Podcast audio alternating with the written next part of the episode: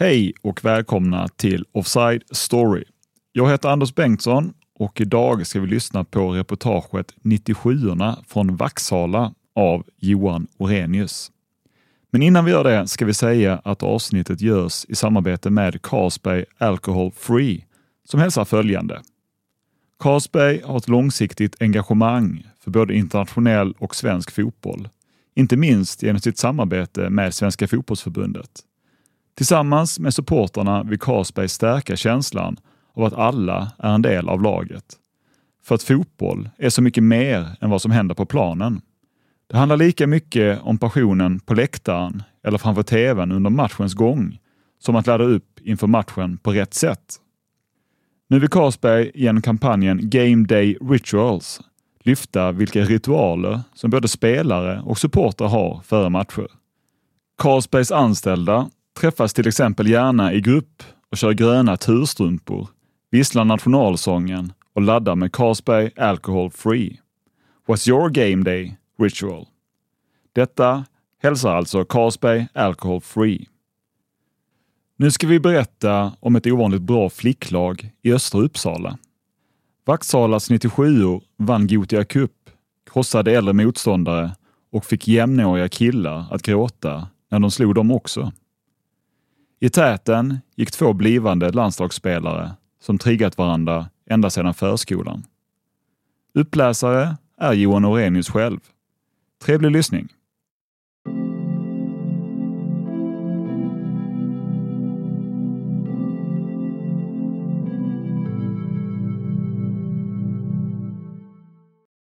Ett av Filippa Angeldals första minnen av Nathalie Björn är när hon frågade sin kompis vad hon hade gjort på läppen. Nathalie uppskattade inte frågan. Det lilla födelsemärke som fanns där, det var inget hon var stolt över. Alltså du blev så sur att du tog ett papper och viftade in det i mitt öga, säger Filippa. Inte med flit, säger Nathalie, men det hände. Det började i alla fall svida ordentligt, säger Filippa. Alltså, jag blev så lack.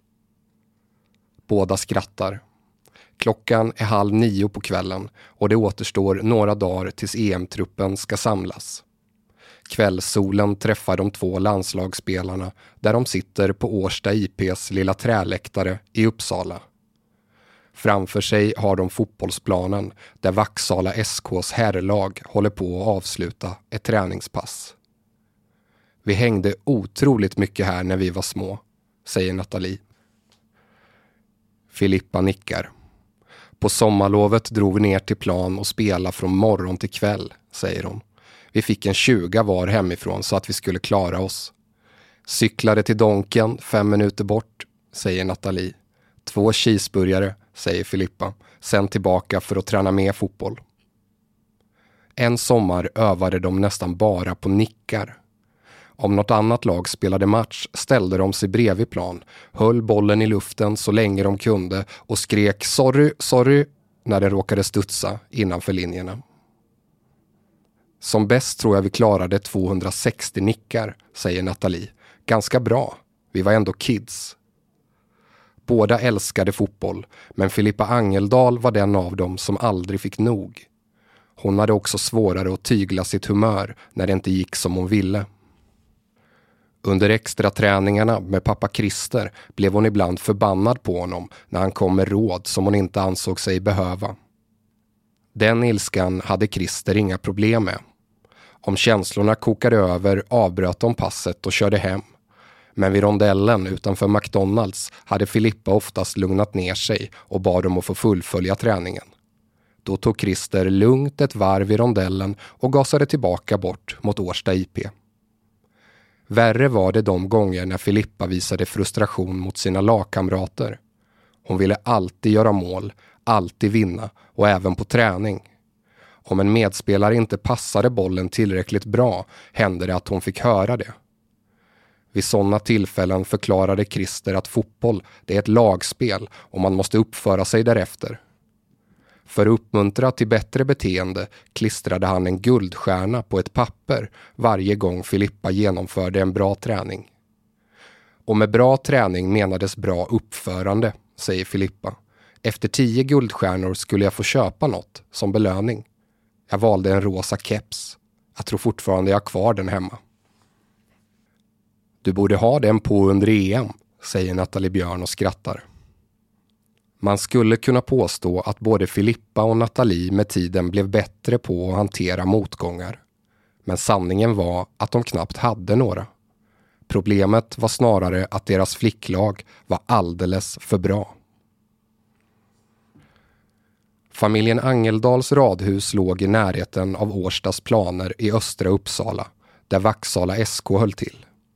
Därför var det naturligt att traska dit när sexåriga Filippa ville börja spela i lag. Det fanns ett lag för flickor födda 1996, men de ville inte ta emot den ett år yngre Filippa. Tillsammans med två andra fotbollspappor, Ove Sjöblom och Hasse Lide, drog Christer Angeldal därför igång ett eget 97-lag i Vaxala. En av tjejerna som började där var Nathalie Björn, vars pappa Andreas blev målvaktstränare. Samtidigt tränade Christer ett herrlag i division 4, men när tiden inte räckte till tvingades han välja. Han valde barnen. Dels för att han hade roligare i deras sällskap, Dels för att han snabbt märkte vilken lovande och ambitiös årskull han hade att jobba med. Hans mantra det var att berömma varje spelare minst två gånger per träning. Målsättningen var att så många som möjligt skulle bli seniorspelare. Som jag såg det tog vi deras drivkraft och drömmar på allvar, säger Christer. Vi var inte intresserade av att leka hela havet stormar på träningarna. Vi ville hjälpa dem att bli jättebra på fotboll. När Vaxala började spela matcher stod det snabbt klart att de låg långt före alla andra lag i samma ålder. Nathalie slog öppnande passningar och Filippa öste in mål längst fram. Segersiffrorna blev stora och förlorade, det gjorde de i princip aldrig.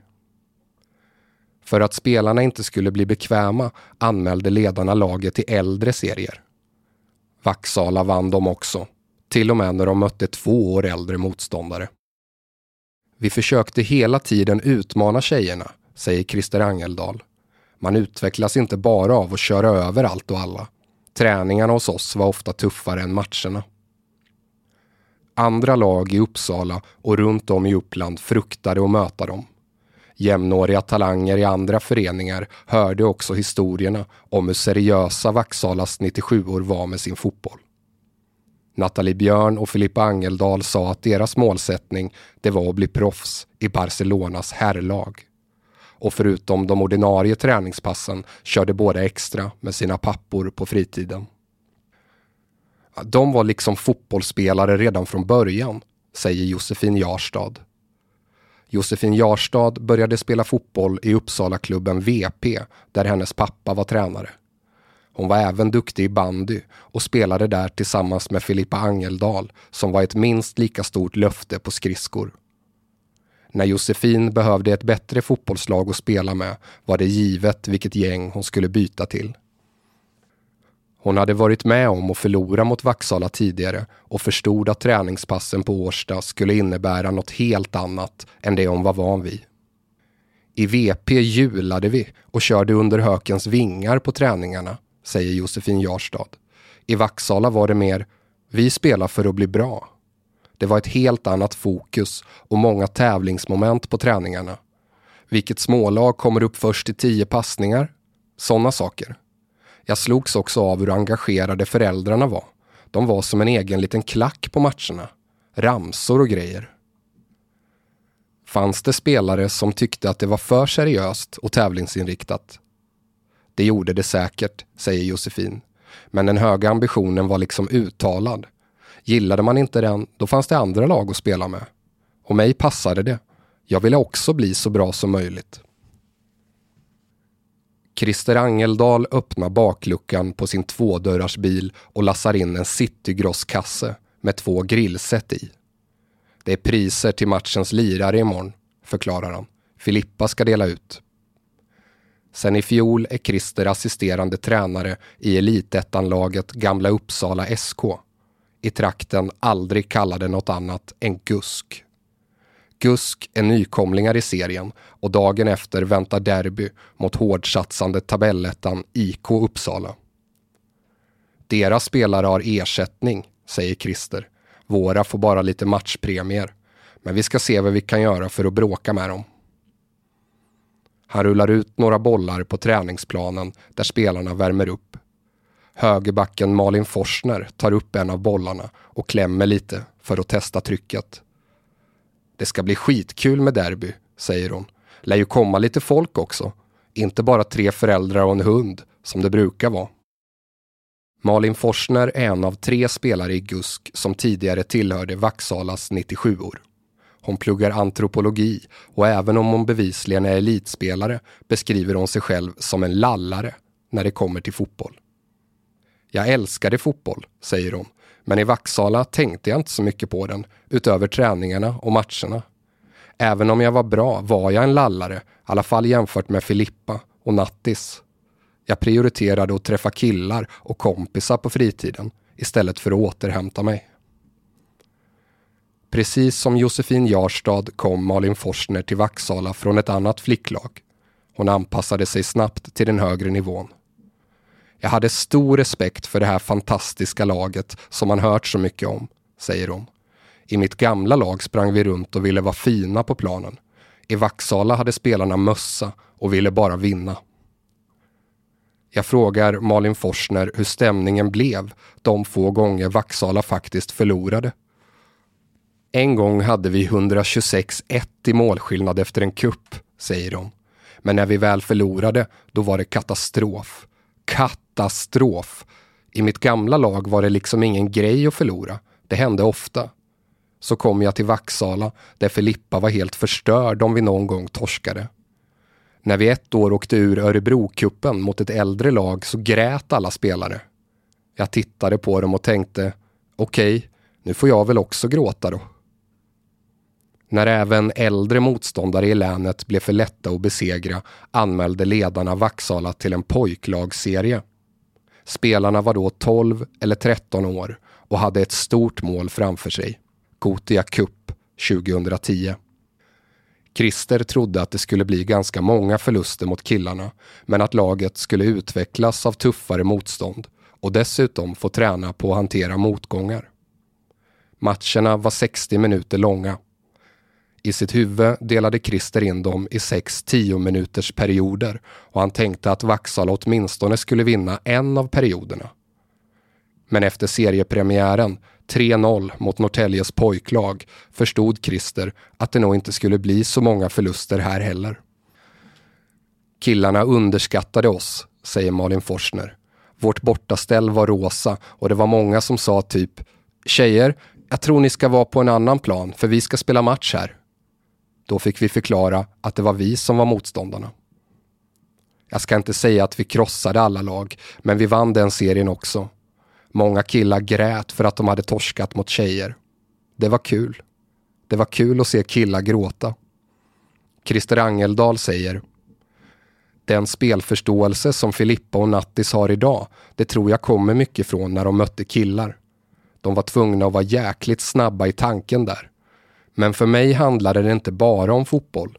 Jag hoppades att tjejerna skulle ha nytta av erfarenheten om de till exempel hamnade i ett lönesamtal som vuxna sen att de då skulle kunna säga Fan, jag har spelat fotboll mot jämnåriga killar och vi spör i skiten ur dem. Jag är värd lika mycket pengar som männen som jobbar här. Förutom matcherna mot killar förberedde sig laget inför Gotia Cup på andra sätt. I princip varje träning avslutades med straffläggning där skyttarna också fick vandra från mittlinjen till straffpunkten som i ett riktigt avgörande och de gamla AIK-spelarna Ola Rydstrand och Björn Kindlund som jobbade som fotbollsinstruktörer vid Gottsunda skolan. De körde också extra med Vaxalas 97or, en gång i veckan. Och jag minns inte om det var inför Gotia, säger Malin Forsner, men före en kupp tränade vi på att sova över. Vi låg på luftmadrasser i klubbstugan. Det var nog inte så många flicklag som övade på att sova. Jag fattade inte att det var en övning, säger Josefin Jarstad. Jag trodde att det bara var en kul grej. Ledarna var smarta på så sätt. Vi fick göra roliga saker som straffläggningar och övernattningar samtidigt som det fanns en sportslig tanke bakom allt. För de flesta lag som kommer till Gothia Cup handlar turneringen om mycket mer än bara fotboll. Det är lägerliv på någon skola man aldrig riktigt lyckas begripa var den ligger. Sena kvällar på Liseberg. Det stora turneringsdiskot. Styltiga samtal med ungdomsspelare från andra länder. Men Vaxala, de åkte främst till Göteborg för att hämta hem en pokal. Före turneringen skrev ledarna mejl till alla föräldrar och förklarade att varje spelare var garanterad minst en match. Men målet, det var att vinna och därför skulle de bästa också få mest speltid. Spelarna fick besöka Liseberg, skrev de, men inte diskot. Och ingen behövde packa med liggunderlag eller luftmadrass.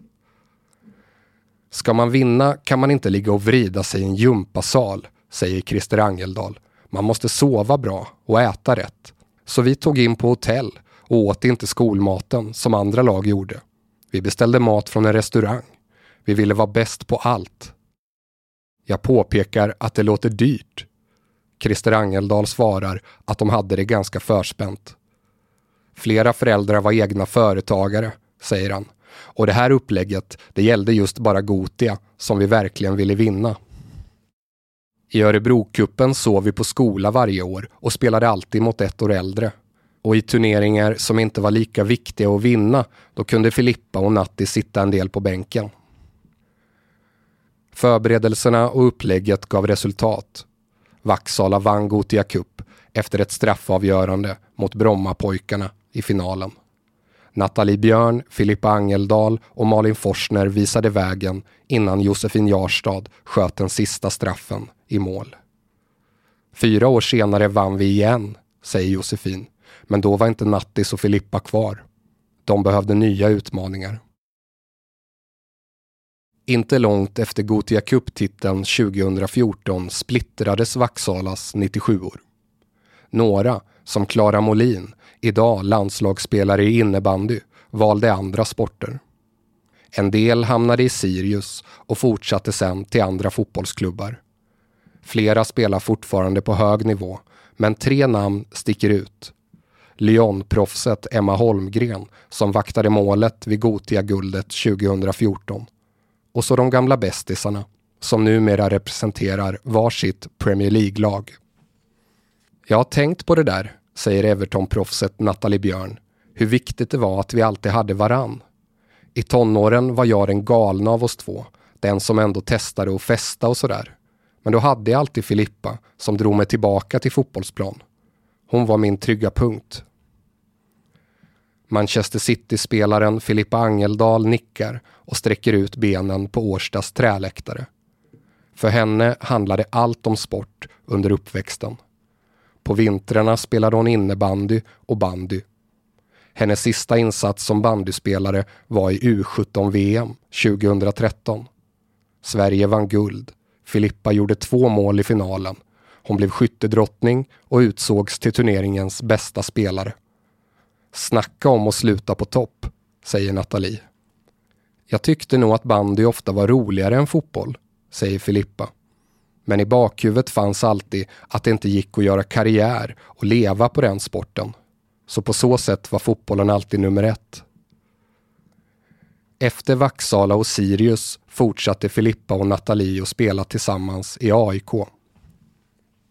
De delade en etta utan internet i Sundbyberg de tog tunnelbanan för att storhandla och de fraktade hem smutstvätt till sina föräldrar på helgerna. Kamratbandet är fortfarande starkt. Det är bara fem mil mellan deras respektive hem i Liverpool och Manchester. Fotbollen är på ett annat sätt idag, säger Filippa. Vi är på högsta nivå nu, men jag är inte i Manchester för att få kompisar. I Vaxala tog vi verkligen fotbollen på allvar, men vi var också ett kompisgäng som hade kul. Jag frågar dem varför de tror att just deras flicklag blev så överlägset. Jag tror att träningsmiljön betydde mycket, säger Filippa. Att vi var många som triggade varann, inte bara Nattis och jag. Det skapades en vinnarkultur redan i tidig ålder, säger Nathalie. Vi ville hela tiden bevisa oss mot äldre spelare och speciellt mot killar. Särskilt när man fick höra kommentarer om att man var tjej Vi tänker inte spela mot tjejer, säger Filippa i en beskrivning av hur kommentarerna kunde låta. Precis, säger Nathalie. Sådana kommentarer. Och ibland även från spelarnas pappor. En del saker de sa var verkligen inte okej. Okay. Att vara 13 år och höra en vuxen man säga att vi inte borde få spela. Men man blev också taggad av det. Det sporrade oss till att bli ännu bättre. Båda skakar på huvudet när jag frågar om de någon gång upplevde att det tidiga allvaret kring deras fotboll blev pressande. Under Gotia fick jag karusellförbud på Liseberg eftersom jag hade nackproblem, säger Nathalie. Inget skulle riskeras inför matcherna. Det är klart att jag gärna hade åkt de där karusellerna, men jag fattade läget, för jag visste också vad som var viktigast. Jag hängde vid chokladhjulen istället. Jag vann en stor geisha.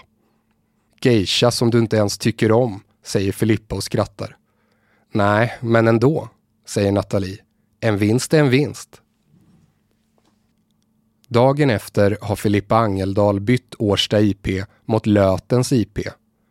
Där ser hon tre av sina gamla Vaksala-kompisar spela ett svängigt derby i elitettan. Gusk förlorar till slut mot IK Uppsala med 5-4. Men högerbacken Malin Forsner, hon ser inte allt för knäckt ut när hon ger Filippa en kram efteråt. Lycka till i EM nu, säger hon. I folkvimlet syns också Lyon-målvakten Emma Holmgren som missar EM-truppen. Och så förstås Gusks assisterande tränare Christer Angeldal som redan har bokat sin Englandsresa inför EM. Han har haft så mycket att göra med Gusk och sitt vanliga jobb att han ännu inte hunnit besöka sin dotter i Manchester. Men EM, det tänker han inte missa och biljetterna är offensivt bokade. Från sista gruppspelsmatchen till finalen på Wembley. Jag påpekar att Sverige är högst rankat av samtliga lag i turneringen och spelar med större press på sig än tidigare. Christer Angeldal fnyser. Han ger inte mycket för den typen av snack. Typiskt svenskt det där, säger han. Jag har aldrig fattat varför man vill vara underdog. Är man favorit så betyder det att man har gjort något bra. Och man vill ju vara bäst. Han skrattar till och säger jag tror i alla fall inte att Nattis och Filippa har några problem med den känslan. De har en del erfarenhet av det där, om man säger så. Du har lyssnat på ett gratisavsnitt från Offside. Om du gillade vad du hörde finns det många andra avsnitt att lyssna på från våra tre medlemspoddar.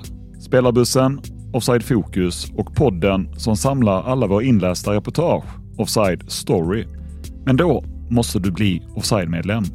Gå in på offside.org om du är nyfiken på att veta mer.